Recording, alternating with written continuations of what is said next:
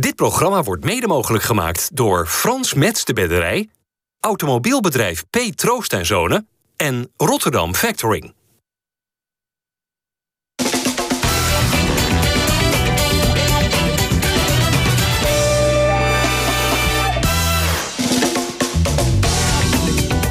Goedendag dames en heren, hartelijk welkom bij de allereerste FC Rijnmond van het nieuwe voetbalseizoen. Vanaf nu weer eh, iedere maandag en vrijdag meer dan een half uur praten over het Rotterdamse topvoetbal. Komende maandag doen we dat over Sparta en Excelsior. Nu vandaag veel en, eh, veel en van alles over Feyenoord, want dat gaat spelen vanavond in de strijd om de Johan Cruijffschaal, de Supercup. En we trappen af met een mooie tafel. Mario Bilate is er. Mario, welkom. Dennis van Eersel en uh, Michiel Kramer, die wel vaker... Duimpje omhoog. Ja, je hebt hier wel uh, vaker uh, aan tafel gezeten het afgelopen seizoen. Maar, Maar? tromgeroffel, vanaf nu ben je vaste analist. Ja. Dat, dat, kijk, dat komt nu ook in beeld. Oh. Analyticus Rijnmond. Oh, mooi. Ja. Dikkie. Ja, ja. Sam, maar je gaat natuurlijk ook gewoon het komend seizoen knallen bij RKC. Dus ben je nu klaar voor deze twee banen? Ja. Ja? ja, het is goed te combineren zo. Ja? Ja, ja, het eh, gaat goed komen, Bart. Ja, Als jij- gewoon jij een papiertje houdt, dan eh, komen wij wel gewoon eh, die uitzendingen eh, Ja, door. Die papiertjes, die, eh, weet je, die... Het is gewoon voor de show, hè? Voor de show, ja. Dat, ja. dat mag jij gewoon, toch? ja. Hij heeft jou ook expres daar gezet. Ja, zodat- dat, dat- dat is die daar vanaf. aflevering Dus ik heb al tegen Mario gezegd, gewoon af en toe even de papiertjes zo. Ja. Nee, nee, ik ben blij dat die dief nu weg is. Eh, Mario, welkom. Um, Oudspits van RKC, NAC, Sparta natuurlijk eh, vooral. ADO vorig jaar. Ja. Maar ben je nu profvoetballer af?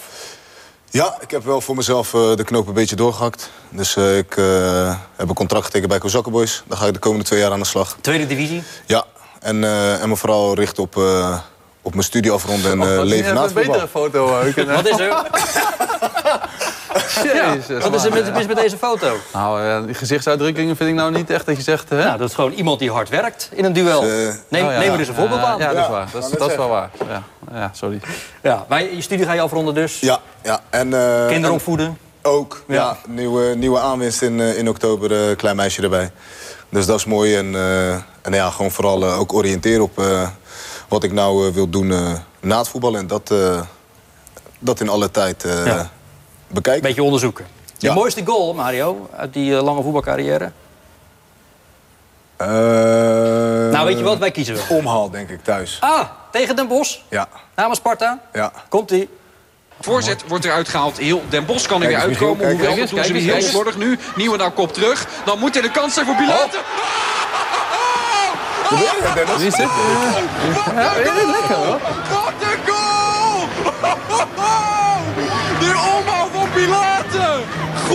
Genade! Fabuleus! Fabuleus deze omhaal van Mario Pilaten! Voel je lekker, hè, daarna? Hè? Ja, dat voel je heel lekker, ja. Maar Giel, was het toch een lucky, of niet? Ja, ik moet zeggen, is ook kwaliteit, hoor. Ik Kwaliteit? heb, ik heb nooit zo'n goal hoef ik nu niet gemaakt, meer te hoor. proberen, hoor, jongens. Nee. Nee? Nee. Dan eh, breek je alles af. Ja, ja, ja zeker, ja. Bekende radiocommentator trouwens. Dat waren denk ik jouw eerste stappen als radioverslaggever. Ja, eerst, eh, Twaalf jaar geleden? ja, eerst eh, een paar jaar Excelsior, Sparta, Dordrecht eh, gedaan. En toen eh, vanaf 2011, 12 Feyenoord. Zo is het. Ik ik zat me er wel even af te vragen, nu jij dus eh, geen beroepsvoetballer meer bent, hij nog wel een paar jaar. Eh, zou eh, Saoedi-Arabië nog mogen bellen? Want die bellen namelijk iedereen op dit moment. Ja, ja, ja, zeker weten. Oh, die Maar hebben ze nog niet gebeld, hoor. Dus Hebben ze jou ik niet gebeld? eh, nee, nee, Dan zou ik me ernstig zorgen maken, Kramer. Ja, maar oorlog. Ik kan er niks aan doen. Die, laat je, niet- die laat je niet gaan bij RKC. Gaan we niet gaan, nee. Nee, maar het raakt ook wel het Rotterdamse voetbal. Hè? Garkouche van Excelsior is er die kant op. Eh, van Feyenoord ook. Banis. En Tabouni. Tabouni is die kant op. Ja. Ja. Ja. Grote geld. Ja, en terecht. Oh ja? gek. Waarom is het terecht? Ja, je bent gek als je het niet doet, denk ik. Als je, als je jezelf financieel onafhankelijk kan voetballen... dat is denk ik eh, iets wat elke voetballer wilt. Als je die kans hebt, eh, je kan je binnen een paar jaar... wat ik zeg, financieel onafhankelijk voetballen... moet je die kans meteen nemen. Oké. Ook al zit je in een land waar je misschien niet per se wil zijn. Dat neem je dan Ja, makkelijk op. ja oogkleppen op. Eh, vaak, voor, van wat ik weet, zitten die jongens in een compound. Dat is dan gewoon een, een soort hele mini-stad die, die is gebouwd... waar, waar eh, nou ja, tussen haakjes het westerse leven nog enigszins nageleefd kan worden. Ehm, en nou ja, kijk, uiteindelijk is het je werk. Dus eh, Ik begreep zelfs als je in de tweede divisie daar gaat spelen... maar we, ja, we dwalen een beetje af hoor, maar dat is niet eens het hoogste niveau... dan kan je toch nog drie ton netto verdienen in Saudi-Arabië. Het zijn krankzinnige bedragen. Is, is Sparta eigenlijk je club? jawel. Ja? Ja, ja, ja. In het hart gesloten. Jan Eversen haalde je van Xerxes naar Sparta. Goede trainer, Jan Goh, Eversen. eh, staat het op je papiertje of hoorde je dat net? De- Jij gebruikt ook alles, hè? Ja, lekker, we, man. we beginnen steeds meer door te krijgen. Ja, ja, ja. ja. Ja, zo werkt Ja, dat. klopt, ja, Jan, eh, Jan haalde mij naar Sparta. Ja. ja. Maar waarom is Sparta je club? Ik heb daar eh, ook vijf jaar in de jeugd eh, gespeeld. Ehm, ging vanuit DCB naar Sparta en uiteindelijk ben ik daar eh, als eerste jaar C'tje eh, weer, eh, weer weggestuurd. En eh, nou ja, na vijf en half jaar CSS DCB weer teruggekomen. En toch, eh, het voelt toch speciaal, ja, weet je. Als eh, Rotterdamse jongen met mijn debuut gemaakt in het betaald voetbal bij Sparta. Ehm, ja, volgens mij eh, bijna 90 wedstrijden gespeeld eh, in het rood-wit. Toch, eh, toch ergens wel een beetje een, eh, een jongensdroom, weet je. Als een jonge jongen toen ik daar in de jeugd zat, dacht ik bij mezelf... ooit wil ik, eh, wil ik in het kasteel spelen. En eh, heb ik uiteindelijk toch gedaan. Ja. Heb je eigenlijk een beetje liefde voor Sparta gekregen in eh, die paar maanden? Nee, de liefde voor Feyenoord is daar te groot voor. Dus Mm. nee. Gaat Feyenoord de titel prolongeren? Ik hoop het. Dat is natuurlijk wat ik eh, als Feyenoord supporter altijd hoop. Ja, hoopt niet dat de eh, RKC kampioen wordt. Nee, die kans is, is ook vrij klein, Bart. Mm. Maar goed, eh, nee, ik, ik, ik denk dat Feyenoord best wel een goede kans maakt. Omdat het grootste gedeelte is natuurlijk gebleven. Kokju is dan weg. Eh, even kijken, wie is er nog meer weg? Idrissi en Simanski. Szymanski, ja.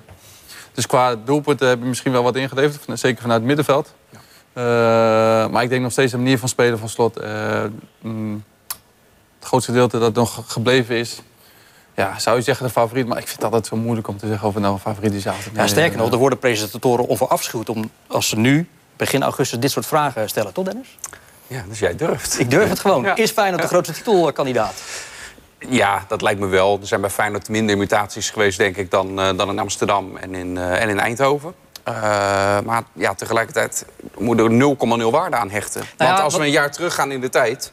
was Feyenoord verre van de favoriet. En Feyenoord is uiteindelijk wel kampioen geworden. Dus het is inderdaad wel een beetje gelul voor de bühne. Maar jij verdient er goed je geld mee. Dus. Nou, goed. en eh, laten we jezelf ook niet uitsluiten. Zijn ze bij Feyenoord eigenlijk wel gewend aan, aan, aan deze status? Moeten ze daar eigenlijk niet een beetje aan wennen? Dat, dat is wel zo natuurlijk. Dat het zelden is, denk ik, als je hebt wat van die jaargidsen die komen... dat, dat alle, alle kenners hun prognoses geven voor een eh, aankomend voetbalseizoen. En het is maar zelden dat Feyenoord daarbij het merendeel op één wordt, wordt ingevuld. Nou, dat zou dit jaar wel kunnen zijn. Dus dat is wel anders dan, eh, dan normaal. Geeft die voorbereiding ook vertrouwen voor, voor een goed seizoen? Eh, heb, heb je een soort van... zegt toch helemaal niks? Oh, zegt helemaal niks. Nee, zegt dat helemaal niks? De eerste helft tegen Benfica, zegt dat helemaal Ik niks? zeg helemaal niks. Dat zijn altijd wedstrijden. Ja, in de voorbereiding dan probeer je zo, zo fit mogelijk, zo goed mogelijk die wedstrijden door te komen. En dan eh eerste competitiewedstrijd zie je dat wel. En dan kan je een beetje zien hoe je ervoor staat. Maar tegen Oh, Benfica, eerste helft was toch gewoon echt goed? Of ben ik nou gek? Ja, ja maar ja. Eh, de eerste helft tegen, wat was het? Zwolle was ook goed. Ja, dit- dit- dit- daarom zeg ik, ik zeg helemaal geen reet, Bart. Dus, Hm. dus ik denk dat je gewoon dadelijk kan zien in de eerste competitiewedstrijd hoe ze voor staan. Nou, vanavond natuurlijk eh, die Supercup. Ja, ik denk dat ze een goede kans maken om te winnen. Eh, bij de tegenstander natuurlijk ook eh, een nieuwe trainer. eh, ook een nieuwe manier van spelen.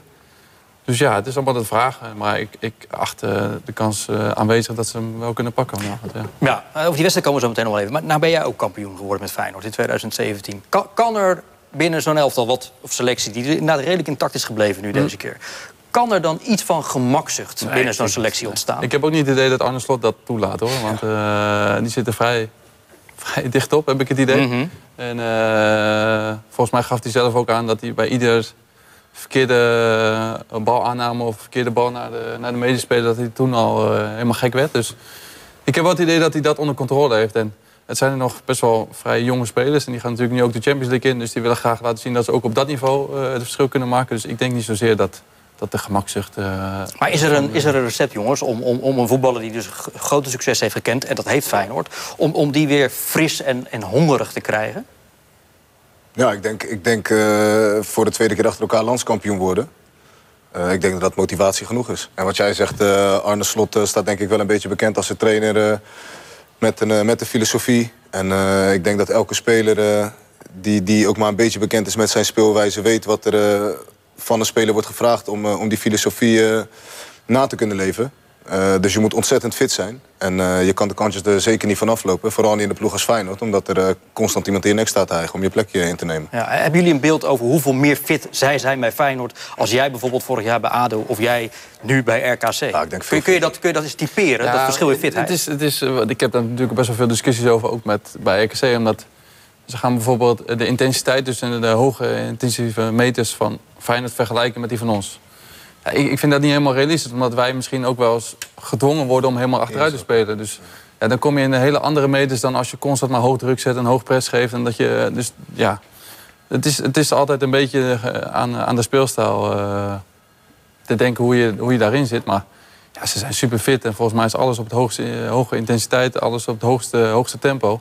Ja, daar word je natuurlijk super fit van, hoe je nou bent of keert. En uh, dat wil hij ook graag, zo wil hij ook graag spelen. Want hij wil natuurlijk hoog pressen. Nou, dan moet je gewoon hoge intensiteit hebben. En daardoor zijn ze ook super fit. En daardoor hebben ze ook ons bijvoorbeeld in die thuiswedstrijd vorig jaar omvergeblazen binnen 10 minuten. Omdat ze dan even een tempo hoger gingen, even wat meer intensiteit. En het wordt 3-0. Ja, zo is het. Ja. Als het gaat om, om, om weer fit en scherp aan zo'n seizoen te beginnen... wat is dan de rol van de aanvoerder? Hoe belangrijk is dat? Je bedoelt in, in, in zijn geheel? Ja. Ja, ik denk uh, dat een aanvoerder wel uh, over bepaalde karakteristieke eigenschappen moet beschikken. Je moet uh, niet bang zijn om het voortouw te nemen.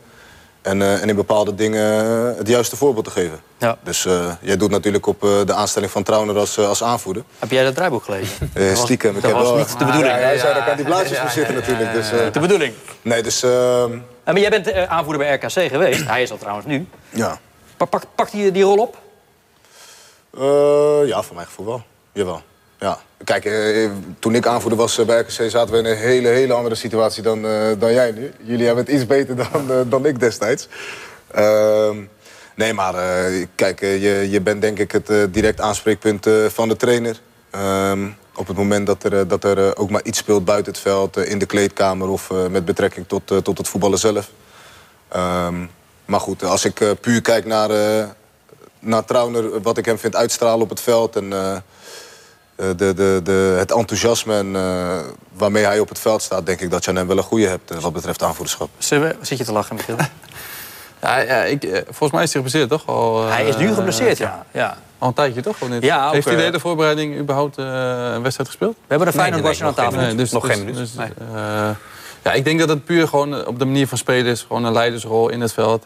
straalt natuurlijk rust uit. Dus ik snap die keuze heus wel. Alleen ja, Mario weet het net zo goed als ik. Als jij aanvoerder wordt en je gaat je ineens anders gedragen dan die kleedkamer, die denkt op een gegeven moment, ja, ja. maar dat gaat niet. Nee. Dat kan gewoon niet, omdat je dan ja, ben je gemaakt en ben je gespeeld en dan kan niemand je serieus nemen. Dus ik denk dat Arne Slot gewoon op basis van wat hij, wat hij ziet op de training en in de kleedkamer, dat hij daardoor kiest voor, voor Trouwner. En ja, hij straalt gewoon een enorme rust uit en uh, onoverwinnelijkheid. En dat is denk ik voor, voor een ploeg maar het kan soms wel helpen toch om iemand in zo'n leiderschapsrol meer te sturen. Neem Kuksu is volgens mij ook de keuze geweest om hem het te maken om zo'n volgende stap te zetten. Nou, ja, ja, ja, je ziet aan Kuksu dat het positief heeft uitgepakt. Alleen ja, het is natuurlijk een andere leeftijd dan... Uh, althans, ik praat niet voor mezelf omdat ik nu uh, 34 ben en ik kreeg nu pas die aanvoerdersband. Dus ja, misschien dat ik op mijn 22 of 23 met de aanvoerdersrol anders was omgegaan. Alleen ja, ik denk nog steeds dat de manier van voetballen en de manier van hoe jij in het veld staat, dat dat veel meer leiding geeft aan je elftal dan dat met woorden. Want, ja, ik ben nooit zo van het, uh, het gillen en het doen uh, als aanvoerder zijn. Nou. Gillen, heb je mij ooit... Uh, nee. Hallo. nou, ja. Irriteren. Ja, irriteren, maar dat is toch, dat is toch anders. Oh, Oké, okay, ja. Nou, zullen we even naar de woorden luisteren dan van de, de, nieuwe aanvoerder? Want ja, nu Kukcu naar Benfica is, is dus uh, Gernot Trauner de nieuwe uh, trotse aanvoerder van Feyenoord. I I was pretty happy to hear that I'll be the captain of Feyenoord this year. It's a big honor for me. Uh, Feyenoord is such a big club, big history. So, yeah, I was really proud, and I didn't wait a second to accept that. And um, yeah, I'll try to to lead this group to, together with the other players. Uh, it's always important to have a, a certain amount of players who are taking responsibility on the pitch and off the pitch. And uh, yeah, therefore I also need uh, other players like Lucha, Justin, uh, Quinten. So we need uh, players with strong personality, and then we will try to uh, set up the, the right mindset and the right mentality in the dressing room. Ja, het is niet te hopen dat hij hier last van krijgt van deze stevige uitspraken. Nou ja, dat ga je denk ik ook niet krijgen, toch? Uh, dat het heel uh, uitgesproken nee? zal zijn. Nee, nou, jij wel meestal, dus... Ja, maar goed. Er zit een verschil tussen. Uh, ja. Nou, hey, Dennis, nu, nu Trauner dus uh, aanvoerder is, dat betekent dus dat Bijlo en uh, Geertruida dat dan niet als eerste zijn. Ja. Hoe concreet is nou nog een vertrek van die twee? Ehm, bij Bijlo is die, die storm, als er sprake was van een storm, echt wel gaan, gaan liggen. Sterker nog, het is nooit echt een bot eh, op hem uitgebracht. Dus zo Door dicht- Manchester United, Ja, hè, maar door die hebben nu Man- United, inderdaad. dus Eh, dus dat, dat speelde niet zo heel erg. Geertruida is natuurlijk meermaals eh, en recent nog een keer... is wel een bot op uitgebracht door Leipzig. Die hebben zich ook nog steeds niet bij neergelegd dat hij niet komt. Want zij hebben nog steeds geen vervanger gehaald voor hun verdediger die, eh, die weg is. Dus dat, dat zou nog steeds kunnen gebeuren. Eh, maar er moet wel een bedrag worden betaald dat, dat Feyenoord voor hem, Ja. hem wil. En dat is? Eh, vergelijkbaar met wat er eh, voor Timber door Arsenal is eh, betaald. hè. Dus dan ga je naar de 40 miljoen. Hm. En of Leipzig bereid is om dat uiteindelijk voor hem te betalen... dat, dat gaan we merken. Daar kunnen we nog een maandje lang over Ja, hebben. overigens, ik zat ineens te denken, als het gaat om die kakofonie van bedragen. Kukcu is dan voor 25 miljoen van Feyenoord naar Benfica. De grote aanvoerder, de man die het elftal aan de hand heeft genomen om kampioen te worden. En dat kan nog 30 miljoen natuurlijk worden. Hè? En dan is er een verdediger van Ajax, die een jaar daar gespeeld heeft. Overwegend de bal naar de verkeerde kleur heeft gespeeld. En die gaat maar voor 2,5 miljoen minder weg naar Fulham. Ja, eh, Bessie, hè, even voor de duidelijkheid. Dus dat Oh, scheelt... ging het over Bestie? Ja, Dat was die scheelt maar 2,5 miljoen. Ja. Hoe kan dat nou? Is het gat dan nog zo, steeds zo groot tussen Ajax en Feyenoord? Ik denk dat Ajax nog steeds, hoe pijnlijk dat misschien ook is als Rotterdammer zijn... en dat nog, ja, in de wereld er toch ietsjes beter op staat dan Feyenoord. Hm. Ja, dat is dan eh, duidelijk. Eh, Mario, Minte, Stenks, Van der Belt, Seruki, Belen en Ua- Ueda. Die zijn tot nu toe binnen. Van wie heb jij de meeste verwachtingen? Ehm, nou, ik heb, eh, vandaag heb ik me even verdiept in, eh in Ueda. Heb jij huiswerk gedaan? Ik heb mijn huiswerk gedaan, ja. En het was serieus. En, ja. nou, wat, ik, wat ik gezien heb, is me wel bevallen. Vertel, wat heb je gezien? Eh, ik heb iemand gezien die dodelijk is in de 16. Eh, eigenlijk eh, de goals die hij maakt, die, die maakt hij met een, eh, ja, met een bepaalde beheersing, eh, maar tegelijkertijd overtuiging. Ehm, nou ja, eh, Het is een echte nummer 9, hè? ja, hij wordt niet heel veel in het, eh, in het spel betrokken. Volgens mij had hij iets meer dan 10 eh, succesvolle passes per wedstrijd. Maar als je dan gaat kijken naar Cercle Brugge als, als team zijnde... Die, die stonden volgens mij tweede laatste of ene laatste... wat betreft balbezit in de gehele competitie. Ehm, Hij maakte 22. ja, maar ik denk wel dat hij past bij de, bij de speelstijl van Slot. Omdat eh, Cercle Brugge had tegelijkertijd de meeste balverovering op de helft van de tegenstander. Ehm, Jezus, man. Ja, hey, kom nou. Geen dat is heel serieus, dit. ehm, Nee, dus daar is een voorbeeld aan. Nee, maar in dat opzicht, dat, dat zegt denk ik ook wel wat over, eh, over, over de manier van druk zetten die ze hanteren bij Cercle Brugge. En ik denk dat, eh, dat hij in dat opzicht past eh, eh, bij Feyenoord. Kijk, ik denk niet dat hij meteen gaat spelen. Ik denk dat hij eh, zich in dezelfde rol als Danilo zou moeten schikken. Maar dan is de volgende vraag denk ik een interessante. We stellen hier alleen maar relevante vragen namelijk. Ja. Moet je daar dan 9 miljoen voor betalen voor een in principe tweede spits? Ja. Ja, maar ik Omdat denk- ik denk, ja. ik denk dat Jiménez eh, weg is binnen een jaar. Dus ik denk als, als je Of hem... binnen een paar weken. Als ze bij Benfica denken... oh, die Ramos moet toch nog even worden vervangen. Ja, dat kan ook. Nou, dan heb je in ieder geval, eh, nou ja, als je dan een speler hebt eh, waar je 9 miljoen voor moet neerleggen, maar je ziet hem wel als een eh, waardige, als waardige opvolger van Jiménez. Waarom niet? Ik denk dat ze hem dus meer zien als gewoon echt basisspeler. Jij is nog niet tweede spits. Maar het is meer dat je gewoon twee spitsen hebt die eventueel kunnen spelen. Volgens mij was het Danilo aan het begin van het seizoen van vorig jaar. Ja. En vervolgens was het Jiménez. En ik denk dat ze het een beetje hetzelfde nu met, met deze jongen willen. En vergeet niet, die eerste twee Champions League wedstrijden... is Jiménez natuurlijk al geschorst Geschorst, door de Ja. rode kaart. Dus Ja. dan ga je deze ook nodig hebben. Sterker nog, dan moet hij, als de Champions League begint... moet hij dus in de basis staan. En moet hij daar dus ook fit en klaar voor zijn. Dus hij gaat die, mag ik aannemen, de komende weken... ook gewoon echt wel zijn minuten krijgen bij Feyenoord. Dat, eh, Want die Champions League begint over Hij heeft toch gewoon maand. ook gewoon een voorbereiding gehad. Zeker, Dus hij zeker, maar dan ga je dus Jiménez eh, wel al binnenkort gewoon passeren. niet- Ja, ja, Jim- ja, ook voor het seizoen heeft Jiménez maar eh, zelden eh, de 90 minuten ook volgemaakt hè, bij, bij Feyenoord. Dus je hebt gewoon een goede spits ook eh, daarachter nog nodig. En dan kunnen ze het uitvechten wie van de twee in de pickorde het hoogst is. En hij heeft ook voor vijf jaar getekend, deze eh, Japanner. Dus ja, is het niet dit seizoen. eh Ja. Jiménez had ook een half jaar nodig voordat hij eh, zich echt eerste spits kon doen. Men vergeten we wel eens. Maar het eerste half jaar eh, had je nog een enorme discussie. Hm. Jiménez verlengt gisteren wel zijn contract Ja. met nog eens een jaar tot 2027. Eh, in hoeverre voelt dat als zekerheid van hij blijft? Eh, Of is dat gewoon het opkrikken van de marktwaarde? Dat je geeft er ook een signaal mee af als club zijnde van oké, als jullie hem willen hebben, moet je echt, echt de hoofdprijs komen, komen aftikken bij ons. Het is ook een signaal dat hij afgeeft dat hij zelf ook nader heeft zelf ook nog iets te willen. Eh, en wat ik zeg, hij is pas een half jaar eigenlijk echt basisspeler bij, bij Feyenoord. Valt nog van alles voor hem te bewijzen ook, eh, als hij bij ja. Feyenoord blijft. En hij zit natuurlijk nu in een hele goede fase. Zowel bij Feyenoord als bij Mexico natuurlijk met eh, die winnende goal. Maar er gaat natuurlijk ook een periode komen dat het net eventjes wat minder is. En dat is inherent aan, aan de positie die hij heeft. En dat hoort er ook bij. Dus ja, Ja. ik denk dat Feyenoord juist goed gedaan heeft om nu een jaar te verlengen. Ook waarschijnlijk een beloning in zijn salaris. Dus dat hebben ze gewoon goed gedaan. En als hij weggaat, dan moet je gewoon 70 miljoen vragen. Hoeveel? 70. 70? Oké. Tuurlijk. Is het niet wat veel? Ja. Maar wat gebeurt er allemaal op de transfermarkt? Eh, Ja. Dat vind ik 70 niet eens zo heel gek. Oké. Daar heb je 2,5 Bessie voor, wil jij zeggen. Nee, drie. Oh, dit- Eh, ik, wat, als je het mij vraagt, maar dat doen jullie niet... maar ik geef dan nu toch het voorzetje... het meest bijzondere rondom eh, Ueda... die wil per se naar Feyenoord. Die kent een goed jaar bij Cercle, heeft de opties voor het oprapen. Hij zegt nee.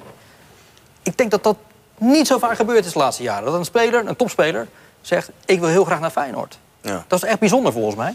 Ja, het is nou, een mooie club hè, voor het spelen. Ook. Nou ja, Zeker. ja, Maar ik denk ook dat Feyenoord zichzelf gewoon eh, heel goed op de kaart heeft gezet. En met name dan de manier waarop ze spelen nu met, eh, met slot. Denk ik dat ze, er, eh, dat ze er in Europa gewoon heel goed op staan. ja. Hoe geldt dat, Dennis, voor Luka Ivanosek? Eh, die, eh, hoe, hoe gewild is die bij Feyenoord? die is heel gewild bij Feyenoord. En andersom, eh, van wat ik begrijp, ik heb hem zelf niet persoonlijk gesproken. Maar andersom begrijp ik dat hij ook graag naar Feyenoord wil. Alleen je hebt ook nog te maken met de club waar hij nu speelt. En die willen graag. Dynamo Zagreb. Dynamo Zagreb wil uiteindelijk de groepsfase van de Champions League bereiken. Hebben zich geplaatst voor weer de volgende voorronde. Eh, dus ja, die doen er eigenlijk alles aan volgens mij om dat ook maar te rekken. Omdat hij is ook nog eens in grote vorm nu. Ja. Hij heeft laatst voor het eerst ook Europees eh, nu gescoord voor zijn team. Meteen een hat-trick. In de competitie scoort hij veel. Die competitie is pas pril, maar hij heeft in beide wedstrijden gescoord volgens mij. Maar op welke positie komt hij het best tot zijn recht? Linksbuiten. Linksbuiten. Of althans, daarvoor is hij volgens mij binnen het, het plaatje van eh, wat Feyenoord nu heeft... is het meest aannemelijk dat hij Maar daar stel gaat dan dat die Ivanosek komt. Ja. Stel. Wat is dan, denken jullie, die ideale voorhoede van Feyenoord? Pashao op rechts, Jiménez in de punt, Ivan Oesek op links... en Stenks achter de spits. Nou, krullen door, Michiel? Ik, vind, eh, ja. ik denk dat Stenks eh, ook eventueel nog rechts, rechts Ja, hangend kan gaan spelen. Want daarvan kan Ja, ik vind dan alleen wat je net... Waar, je stipte het net al even aan. Dan heb je wel echt een middenveld met heel weinig scorend vermogen. Met Wiever, Zerouki en Timber zou dan waarschijnlijk daar op 10 gaan. Maar deze gaan jongen die kan bijvoorbeeld, eh, nee, die jongen van uh, Zagreb, die kan bijvoorbeeld ook op middenveld Die- spelen. dat kan, ja. Dus die kan eventueel ook Ja. nog op 10 spelen. Dus Ja. Ik vind dat wel prettig wat je zelf ook zegt, dat je ook een beetje scorevermogen vanuit het middenveld hebt. Wat je natuurlijk nu een beetje hebt ingeleverd met Simanski en Kopcu. Ja. Dus ja, misschien dat hij daarom zegt, ik zet Stengs op 10, eh, waardoor we misschien wat scorend vermogen hebben. Maar ja, ik denk dat hij best wel kan switchen van, eh, van positie en eh, vrij is daarin om, om keuzes te maken. Maar ja, je hebt gewoon rendement nodig. En ik denk dat de jongens die er gehaald zijn, dat die rendement kunnen halen. Ja, dan is het even aan slot wat hij wat die, eh, de beste... Stenks heeft bij. Antwerpen vorig jaar ook nog va- vrij vaak op 8 gespeeld. Hè? Als, als, als middenvelder. Middenveld, Ja, daar hebben we er genoeg van rondlopen, denk ik, bij Feyenoord. Nou ja, dat is waar. Hè? Met Seruki natuurlijk in principe. Is Seruki, denk jij, de opvolger van Kukcu? Mm, nee, ik zie Zerouki meer als een centrale middenvelder. Ik vind, ik vind wat jij zegt, Kokju meer een, meer een team met, eh, met scorend vermogen. Ik, eh, ja, ik denk dat, eh, dat hij eh, zal gaan concurreren, of zal moeten concurreren voor, eh, voor de twee plekken voor de verdediging met Wiever en Timber. Ik denk dat. Timber is bij jou basisspeler. Dat was hij niet tegen Benfica. Om die Nee. wedstrijd toch maar weer even aan, te halen. Ja, het, bij mij zou Wiever denk ik sowieso spelen. Dus ik denk dat het gaat tussen Timber en, eh en Zerouki. Ja. Voor wie ernaast komt. Waarom is eh, Feyenoord eigenlijk, eh, als het gaat om de derde doelman... uitgekomen bij de reservekeeper van Willem II? Nou, ja, Jans is, eh, is op, op huurbasis vertrokken. En, je hebt een derde keeper nodig. En dan zullen ze het nog niet aandurven met die Manu Berger. Jeugdkeeper is dat, die dan bij de selectie nu ook zat.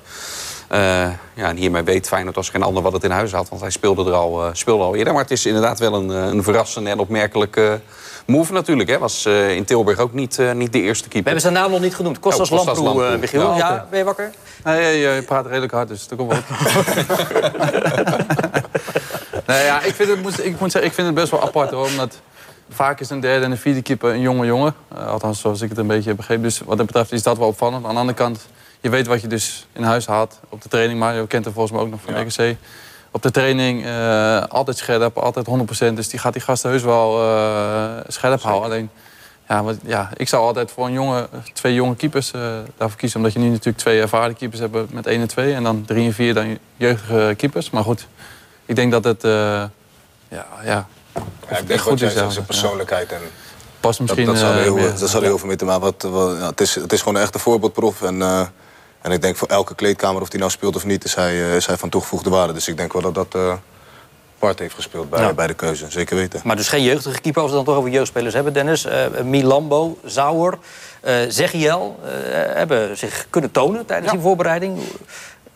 Waarom lach jij eigenlijk niet? Ik heb met de vader van, uh, van Zegio gespeeld bij, uh, oh. bij Xerxes, DZB, in het eerste. Dus ik ken hem, G-Fi ken ik sinds dat hij uh, snot, uh, was van, van vijf à zes jaar. Oké, en zag je het toen al in hem? Nou, hij was toen echt, echt talentvol. Volgens mij is hij toen, speelde hij toen al bij Sparta. Nee, ah. maar je ziet dan, ik bedoel, mijn zoon is 7, die heeft niet de balbehandeling uh, die G5 had toen die, uh, toen, die, toen die 5 of 6 was. Weet je, die, die liep al te scharen en te dribbelen en te doen. En uh, die zat toen volgens mij in de jeugd van Sparta. Ja. Dus nou, ik vind het wel mooi om te zien dat hij, volgens mij heeft hij dan zijn on, onofficieuze debuut gemaakt bij, bij Feyenoord. Ja. Dus, maar hoe dicht zitten ze bij de selectie? Van de drie die jij net noemt zit Milambo er het dichtst tegenaan. Die gaat ook bij het eerste blijven. Als er toch niet besloten wordt dat het verstandig is om hem op huurbasis ergens te stallen. Ik kan me zomaar voorstellen dat ergens in deze maand uh, daar misschien toch ook naar gekeken wordt. Want ik denk dat het voor hem het beste is als hij gewoon ergens heel veel aan spelen toe, uh, toekomt. Ja. ja, voor, voor Leo Sauer en, en Zegio lonken natuurlijk ook die wedstrijden in de Youth League. Die denk ik voor dat soort jonge spelers, neem uh, Kuksu die in het verleden dat heeft gespeeld, Geertruida die uh, in, in het seizoen nadat jullie kampioen waren geworden... hebben uh, daar natuurlijk ook echt, uh, echt wel grote wedstrijden in, in gespeeld. Dus ja. dat, dat is ook wat waard. Duidelijk. mannen, we gaan, we gaan langzaam naar vanavond. Naar, naar die Supercup, de wedstrijd. Langzaam. langzaam. Ja, langzaam. we hebben nog even een paar uurtjes. heb je nog... Wat is er? Meer papier staan ook? Nou, nee, ik is vanuit mijn hoofd. Want ik weet dat het de wedstrijd is tussen de landskampioen en de bekerwinnaar. Oh, die bekerfinale trouwens, die, die, was lelijk hè, toen in de Kuip. Tussen, tussen PSV en Ajax. Uh, gedoe tussen spelers. Dat ik kan me niet herinneren, waren het opstootjes tijdens die wedstrijd? God, nee. Oké, nee, ja, ik weet niet. Er werd ook gevoetbald in die wedstrijd, maar er was vooral heel veel gedoe. Ja. Het is ook aanleiding geweest nu voor de KVB om toch uiteindelijk maatregelen te nemen. Er worden eerder nu gele kaarten Als er dan ook een fatsoenlijke scheidsrechter een keer op veld zitten, dan komen we gewoon een heel stuk verder. Zou je dat wel zeggen? Oh, Kijk nou uit wat je zegt. Nee hoor, zeg gewoon wat je wil. Aanvoerder mag wel praten de aanvoerder mag wel praten. Ja. Maar, dus ik zit nog redelijk goed. Oké, maar laten, laten, we het niveau van de, van de arbitrage dan even buiten beschouwing. Ze gaan eerder geel uitdelen bij opstootjes, bij protesteren. Ook als je als reservespeler het nodig vindt om op te staan en wat te vinden... dan uh, word je ook bestraft. Wat vind je ervan? Nou ja, ik vind het op zich wel, wel een goede, goede regel. Alleen, ja, je, je moet ook een beetje eh, als voetballer denken, vind ik. Omdat als je als voetballer op het veld staat en, en is misschien een, een, wedstrijd met veel druk of met veel stress, of je moet een keer goed presteren. Of, ja, dan komt er heus wel een keertje emotie los. En uh, dat vind ik als je als scheidsrechter zijnde of dat je ook een beetje feeling moet hebben voor, voor het moment. En als jij dan een keer een doodschop krijgt en je reageert, ja, ik vind dat ook niet soort van, ja, meer dan normaal, weet je. En natuurlijk uh, moeten we niet gaan duwen en trekken bij ieder dingetje naar elkaar toe gaan lopen. Maar ja, sommige momenten ontkom je er niet aan dat je even Nee, oké, maar er zijn ook wel mensen die zeggen dat het uh, wangedrag op tribunes... Uh, ook wel ja, maar mede vind ik ook oorzaak is van hoe jullie op het veld gedragen. Ja, maar als je naar de Twente tegen Hummerby zit te kijken... Ja. ik heb nou niet het idee dat het een hele schoppartij was. Nee. Ja, maar geven wij het dan het voorbeeld op het veld... naar wat er uh, na afloop gebeurde? Nee, dat nee. ja, dus, dus het is maar net hoe je dat uh, interpreteert. Het incident met Klaassen toen in de Kuip... Ja. dat had daar wel wat van weg. Dat kan ook natuurlijk niet, daar gaat het ook niet om. Maar ik bedoel meer van dat... moeten we ook wel een beetje emotie bij zitten. Omdat ja. het blijft topsport en daar zit emotie bij. Ja, wat wil je? Ja. Wil je er wat over zeggen of zal ik naar nee, Arne Slot gaan? Nee, nou dan gaan we naar uh, trainer Arne Slot. Die, die, die begrijpt wel deze maatregelen van de KNVB. Uh, eh, ja, wij zijn ons bewust van onze voorbeeldfunctie. En we zijn ook bewust van dat we daar altijd voor ingezet worden uh, bij de KNVB of landelijk gezien. Zoals dat destijds met corona ook was, hè, toen niemand meer mocht werken en wij wel moesten voetballen. Dus ja, dat is de functie die we als voetballerij hebben in de maatschappij. En ik kan alleen maar hopen dat als wij die goed uitvoeren, dat de maatschappij er ook wat rooskleuriger uit gaat zien dan uh, hoe het op dit moment gaat. Nee, terecht. Ik uh, was niet betrokken bij het voetbal de afgelopen maanden. En ik heb wel als voetballiefhebber naar wedstrijden gekeken en heb ik me soms ook kapot geërgerd. Gewoon heel eerlijk. Vond ik, dat je, als je dat als liefhebber ziet, dan is dat gewoon niet goed. Maar ik denk dat kritiek ook niet zo'n punt is. Het gaat wel om de manier, in, in, in de orde van grootte. En hoe je dat vervolgens, uh, of je dat massaal uh, laat merken. En in welke mate je dat laat merken. Dus uh, wij hebben het ook nog niet besproken. Maar onze wedstrijd tegen Ajax met dat aanstekerincident is destijds uiteraard wel besproken. Toen een opstootje waar we zelf invloed uh, op hadden aanleiding gaf als het een aansteker was, ik weet het niet. Maar volgens mij was het een aansteker. Om die, uh, dat die vervolgens gegooid werd. Dus dat is destijds wel besproken, maar nu nog niet. Nee. Kijk, ze hebben allemaal ook kritiek gehad. En terecht dus, hè, het afgelopen jaar. Dus ik denk dat ze zich daar wel van bewust zijn. Spelers zijn zich bewust, Michiel. Hij ook, hè? Wat hij? Hij is zich ook bewust van het feit dat hij vroeger uh, regelmatig iemand uh, de midden zagen, natuurlijk. Peter Bos. Peter Bos, ja. Ja, die kon wel, die kon wel schoffelen. Ja, ja, maar goed. Tijden veranderen, hè? Ja. En nu eh, hangt hij de moraalridder uit, bedoel jij maar te zeggen. Nou ja, ik snap het wel, want hij is trainer van, eh, van een topclub. Dus ik snap Ja. wel dat hij het zegt. Alleen, wat ik, nogmaals, Ja. we zijn voetballer. Ja. Mario, wat is voor jou, volgens jou de manier om dat voetbal dan zuiverder te maken? Mm, nou ja, ik, ik, ik, ik ben het wel met Michiel eens dat er wel ruimte moet zijn voor, eh, voor, voor emotie. Ik bedoel, als ik naar mezelf kijk op het veld... eh, Nee, maar we zijn het erover eens dat die bekerfinale, dat willen we toch niet meer? Dat is Nee, toch niet om aan dat- te maar dat is, dat is weer het uiterste van, eh, van het spectrum, zeg maar. Ik vind eh, op sommige momenten horen opstootjes erbij. Soms slaat de vlam een beetje in de pan. Ehm, tuurlijk, eh, daarin moet je niet te ver gaan. Dus voor sommige dingen mag je inderdaad de gele kaart eh, trekken. Ehm, maar goed, we moeten ook niet eh, richting een eh, ideaal beeld willen... waarbij we 22 ideale schoonzoontjes op het veld hebben. Want dat, dat, dat, dat past ook weer niet bij, eh, bij het voetballen. Dan krijg je 22 gasten die eh, kosten wat het kost in het gareel proberen te houden. Ja, dat, eh, dat lijkt me ook vreselijk om naar te kijken. Je hebt karakters nodig, jongen. Vallenlijners hier, jongen. Heerlijk. Ja, Eerste uitzending van het seizoen. Jij moet vaker terugkomen. Eh, wat is eh, de waarde eigenlijk van die Supercup vanavond? Nou ja, prijsje Echt- winnen is altijd, eh, fijn, toch? Ja? Ja. Tuurlijk, man. Zal ook wel een premie aan eh Ook dat. eh, te Nou ja, dit is toch het oude mee, valt mee, valt mee. Ja. Was dus nee. Kan beter kampioen worden. Jullie praten altijd maar over geld. Nee, maar is het oude Maar jij, gaat nu zeggen, als je hem wint is het een prijs... en als je hem verliest is het een oefenwedstrijd? Ja? Ja, Oh, lekker man. lekker man. Mooi, mooi. Ja, Ook online. Ja. Nou, wat- is daar voor slot belangrijk? Die, die prijs winnen vanavond of de manier waarop ze voetballen? Die winnen, toch? Hoezo de manier van voetballen? Dat vindt hij belangrijk, Ja, maar maar- ik heb liever dat hij wint, toch? Ja? Ja, bij slot, wij- eh, bij Ja. slot de- de- de- de- er zit twijfel bij. Want hij heeft ook laatst, was er zo'n eh, zo'n podcast, 5-5 of, of 1-0 winnen. En toen koos hij uiteindelijk wel voor die 1-0. Maar af en toe zouden we toch ook wel 5-5 willen. Dus dat is ook wel- Ik denk, als hij vorig jaar geen kampioen was geworden, had hij dan ook gezegd... eh, Nee. nee. Wanneer word jij 40? Oh, zo, wat is dit? Duur nog even, Bart. Waarom? Hoeveel jaar dan nog? Nog eh, vijf en een half. Oh, en jij, Dan?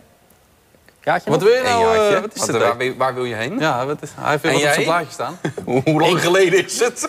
Meer dan anderhalf jaar al. Dan moet jij niet even zeggen dat dat niet aan mij te zien is. Nou, dat maar duurt me- dan- dat, dan duurt te lang. Je hebt Dan wel een paar innamen staan, dus ik weet niet of je ook nog even naar de... Ja, die heeft hij, kijk maar. Maar we beginnen ook te komen. Eh, nee, ja, jongens, eh, een van de grootste voetballers die Rotterdam heeft voortgebracht... wordt komende zondag 40 jaar. Je hebt nog met hem gevoetbald onlangs. Robin van Persie. En eh, ja, hij kon voetballen. Niet normaal. Maar kon hij zingen?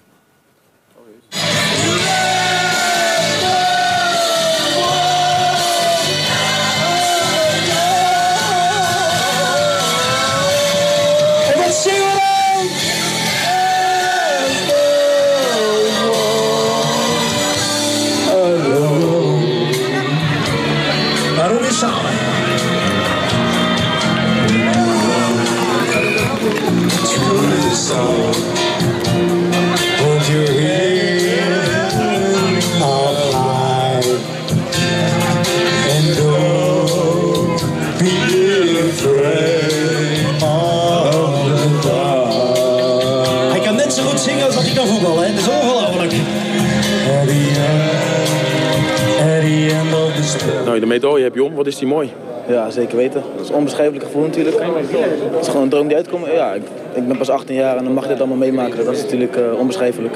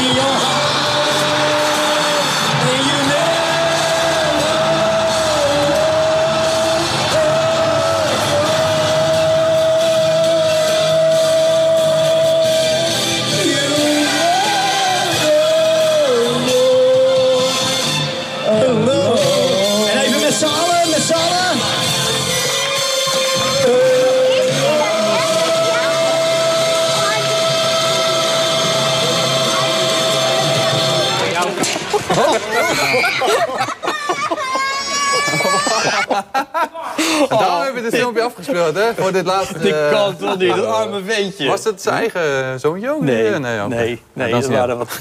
Jawel, dat is wel erg. Vooral als je er zo lacht. Ah, Oh. Wel een kopsterke aanvaller. Ja, Even lekker. kop van staal. Maar heb jij, als je nu eventjes dan weer een paar van die, van die fragmentjes ziet... Dan, dan ben ik gewoon dankbaar dat ik voetbal heb kunnen kijken als Robin van Persie meedeed. Ja, ja, Zo. ja. Ja, maar echt, hè?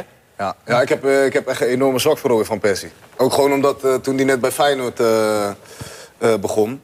was het, was het volgens velen een beetje een, een straatschoffie. En hij had een grote mond tegen de oudere garde bij Feyenoord. En ja, uiteindelijk naar Arsenal gegaan. Daar heeft hij met, met grootheden gespeeld. Bergkamp, Thierry Henry was mijn, was mijn jeugdidol. Dus ik, ik was hartstikke blij dat hij bij Arsenal ging voetballen. En als ik dan kijk hoe hij richting einde van zijn carrière wat er stond. eh, als, in, als in Ja, iemand die een hele transformatie eh, heeft doorgemaakt, zowel als mens als voetballer. Ik vind hem, eh, ik vind hem geweldig. Wij allemaal, denk ik. En je hebt nog het geluk gehad met hem in ieder geval op het trainingsveld eh, ja. te Ja, maar hebben je- staan. ik merkte wel zeg maar, dat als er zo'n grote speler binnenkomt, zeg maar, dat als je dan in een positiespel bij hem in de partijtje zat, dat je dacht, oh, ik moet nou wel... eh, Ja, sche- ik moet moet het hier wel laten, jongens. De tijd oh. is voorbij Oh, nee. Maar we zien jou snel weer terug. Ja, ik zal Mario Bilater, Dennis van Eersel en eh maar, of, eh, weet je ook weer? Ja, goed, joh. Bedankt voor eh, de komst. We zijn er als gezegd komende maandag weer met FC Rijnmond. En vanavond de Supercup bij ons Lekker op de radio. Hey, bed. Fijn weekend.